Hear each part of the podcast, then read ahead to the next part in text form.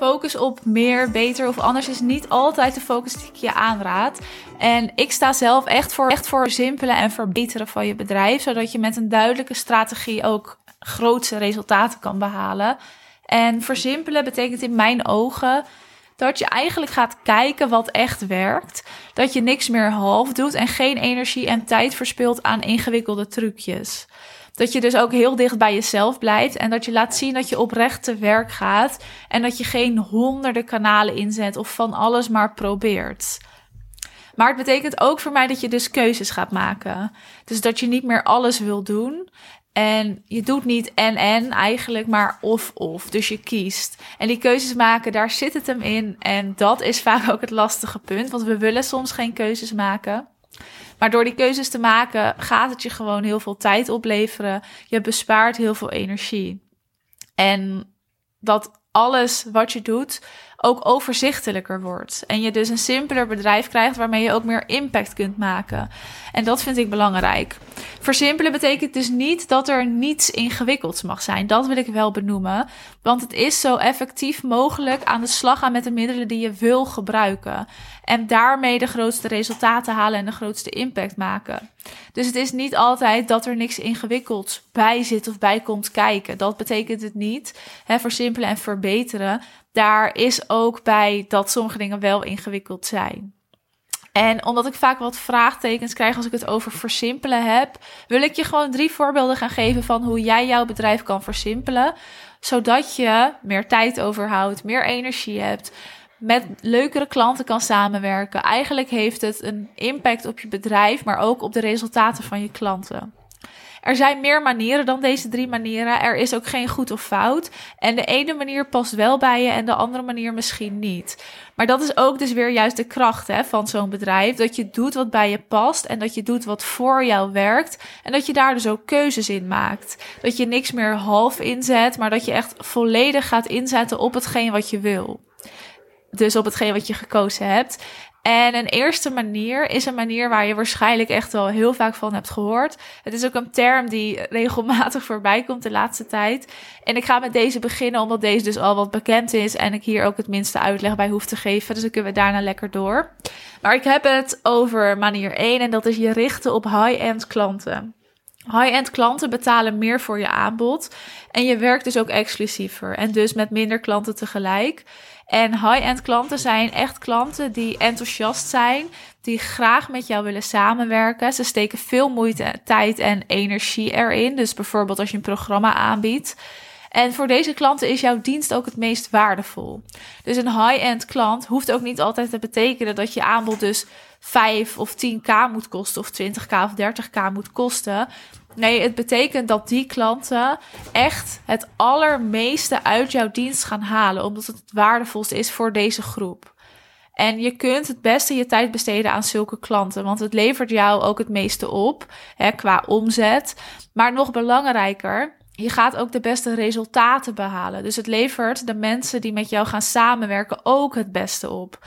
En dat is belangrijk, want dat is natuurlijk wat je wil als je gaat werken met klanten en überhaupt met mensen, dat zij de beste resultaten gaan behalen. En dat is wat high-end klanten doen. Door het dus simpel te houden en er niet voor iedereen te willen zijn, want dat is het kunstje van je richten op high-end, kun je je dus ook alleen richten op die high-end klanten. En gaat het je minder tijd en energie kosten. En je weet dat je de beste resultaten gaat behalen. Je krijgt ook echt energie van deze klanten. Ik moet wel zeggen dat zo'n high-end model niet per definitie voor iedereen is. Het moet wel echt bij je passen. Je moet heel erg van kwaliteit houden, hè? dus kwaliteit boven kwantiteit. En er zijn ook echt wel ondernemers die er voor zoveel mogelijk mensen willen zijn. En als je die drang heel erg hebt en daar niet van af kan stappen of niet de voordelen ervan kan inzien, ja, dan is zo'n high-end model niet voor jou weggelegd. Ik denk wel dat iedereen op een bepaalde manier dit model kan toepassen. Dus je kan het ook in je eigen vorm gieten, dus het meer eigen maken. Maar ook hier, kijk gewoon weer wat voor jou werkt. Want als je dat doet, dan ga je versimpelen. Dus niet doen zoals het hoort, maar doen wat voor jou werkt. Doen wat jij leuk vindt en wat bij jou past. Dus het is altijd een combinatie. Het moet en bij je passen, maar het moet ook werken. Want als iets bij je past, maar ja, het werkt niet en je haalt er geen omzet uit, heeft het geen zin. Dat is de kunst van versimpelen en ook van high-end werken. Dan wil ik naar manier 2, om je strategie te versimpelen en daardoor meer impact te maken. En dus hè, het resulteert in meer resultaat behalen voor jezelf en voor je klanten. En manier 2 is iets heel erg logisch. En toch is dit een aandachtspunt voor heel veel ondernemers, dus ook voor jou. En dat is, ga je eens focussen op wat geld oplevert. En die mag je best wel even in je opnemen.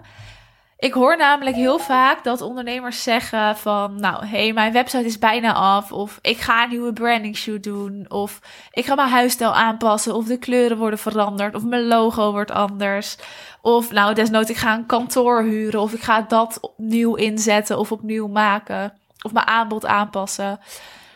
En ik snap het, want deze dingen zijn heel erg leuk en geven je een kick. Het is een, een fijne boost eigenlijk. Maar levert het ook daadwerkelijk klanten op? Levert het ook echt direct klanten op? Dat mag je jezelf afvragen bij alles wat je doet. Heel vaak zijn het namelijk randzaken die prioriteit krijgen, die zeker ergens nuttig voor zijn, maar ze leveren gewoon niet direct klanten en omzet op. Door je eerst te focussen hè, op dus het creëren van zo'n omzetstroom, gaat je bedrijf veel interessanter worden. Want die randzaken komen daarna wel. En het is ook beter voor je eigen mindset. Want als jij omzet gaat draaien, dan zie je dus en dan voel je dus dat wat jij doet werkt. Dat het aanslaat, dat mensen met je willen samenwerken en dat er behoefte is. En dat is dus goed voor je eigen mindset ook om weer verder te groeien in je bedrijf. Dus eerst de prioriteiten goed stellen. Daar gaat het helemaal om natuurlijk. Welke zaken leveren direct geld op, direct klanten op? En die randzaken die komen later wel. Bijvoorbeeld een website, die is natuurlijk heel belangrijk. Maar je kan ook eerst klanten uit Instagram halen of eerst klanten uit je warme netwerk halen. En die stap is heel slim en heel goed mogelijk. Je gaat dan gewoon meer ruimte creëren voor jezelf, waar je door je wel klanten binnenhaalt en omzet gaat draaien. Waardoor je misschien later die website nog beter kan neerzetten. Of dat je die fotoshoot kan doen bij de fotograaf die je heel graag wil. Dus eerst focus op de zaken die geld opleveren en daarna op de randzaken. Is goed voor je bedrijf, goed voor je mindset, goed voor je portemonnee, want je gaat sneller omzet draaien. Maar ook goed voor je klanten, omdat zij dus ook zien dat jij al bezig bent. Je kan de reviews delen, je leert ook sneller. Dus je kan ook sneller beter worden in je eigen vak. Nog beter dan je al bent natuurlijk. En ik zal je een concreet voorbeeld geven waar je bijvoorbeeld eerst op kan focussen en wat dus randzaken zijn. Je kan je eerst focussen op bijvoorbeeld het benaderen van drie mensen rechtstreeks uit je netwerk. Dus mensen die je eigenlijk al kent, waar je al contact mee hebt gehad. Je kan ook een presentatie geven of bijvoorbeeld een masterclass is een idee, maar ik kan ook een presentatie geven of via een bedrijf of via een stichting of op een bepaalde locatie, zodat je direct met je doelgroep in gesprek komt. Je gaat een weggever maken en promoten. Je probeert in ieder geval zo min mogelijk tijd te besteden aan die randzaken. En je kan die randzaken ook low value tasks noemen. Maar dat is weer zo'n ingewikkeld woord. Randzaken is veel simpeler. Maar bijvoorbeeld e-mails beantwoorden, je administratie doen, eindeloos je website veranderen, je huisstijl maken, een logo veranderen en maken. Dat zijn allemaal randzaken. Is leuk, is niet interessant, levert geen geld op. Goed, ik denk dat het wel duidelijk is. Dan komen we aan bij manier drie om je strategie en bedrijf te versimpelen en natuurlijk te verbeteren, want daar gaat het ook om. De laatste manier die ik je aanraad is om te werken met een vast aanbod. Ik weet dat veel luisteraars van de podcast dat al doen, maar ik wil het wel benoemen. Je mag dus afstappen van één uurtje factuurtje, maar ook van het maken van offertes per klant. Ik weet dat sommige mensen, ondernemers, die nou, pakketten bijvoorbeeld aanbieden, nog wel eens offertes maken per klant verschillend. Stap daar eens van af.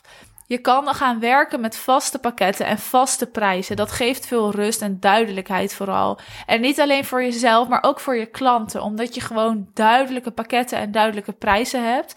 Je kan dus heel duidelijk vertellen wat ze mogen verwachten van jou en wat niet. Je kan heel goed het verschil laten zien. Je kan ook dus heel goed het verschil in prijs laten zien. Waardoor iemand, dus jouw klant, sneller een keus kan maken. En jij ook heel makkelijk het kan maken, het kan doen. Nooit meer hoeft na te denken of te verbeteren of moet nabellen of dubbel moet checken. Het is gewoon duidelijk wat je wel en niet doet. Als je per klant namelijk continu een nieuwe offerte moet maken met daarin andere prijzen en andere opgaven, dan kost dat ten eerste gewoon heel veel tijd. Maar je moet ook vaak dus nog nabellen. Wat ik net zei, of dubbelchecken of controleren of het wel klopt. Je moet alles heel goed afstemmen. Het is dus simpeler en effectiever om te werken met vaste pakketten en prijzen. En je stuurt dat dan naar je klant. En daar geeft je klant een akkoord op. Je kan steeds hetzelfde format gebruiken, dezelfde prijzen gebruiken. Het is simpel en het is efficiënter. Het is een heel simpel iets om toe te passen. Maar mocht jij nog werken met allemaal losse offertes, ja, stop daar dan mee en werk gewoon met vaste prijzen en pakketten. Je gaat op die manier namelijk ook je aanbod schaalbaarder maken. Hè? Dus de tijd die je gaat besparen kun je namelijk weer gaan gebruiken voor directe acquisitie. Of de taken die dus direct geld opleveren en niet die randzaken.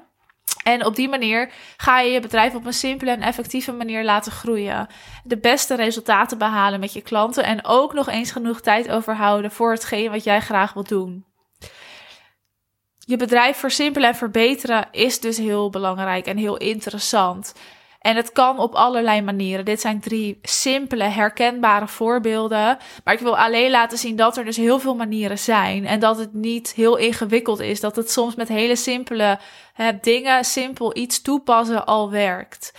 Als je wil weten hoe jij jouw bedrijf en strategie kan versimpelen, zodat je hogere omzetten kan draaien, maar ook vooral meer impact kan gaan maken, plan dan even jouw volledig vrijblijvende call met mij in. En ik zet de link gewoon lekker weer in de beschrijving. Dus plan je call in. Als je twijfelt, dit is je moment. Twijfel je al langer, dit is je moment. Plan de call in en dan spreek ik je snel.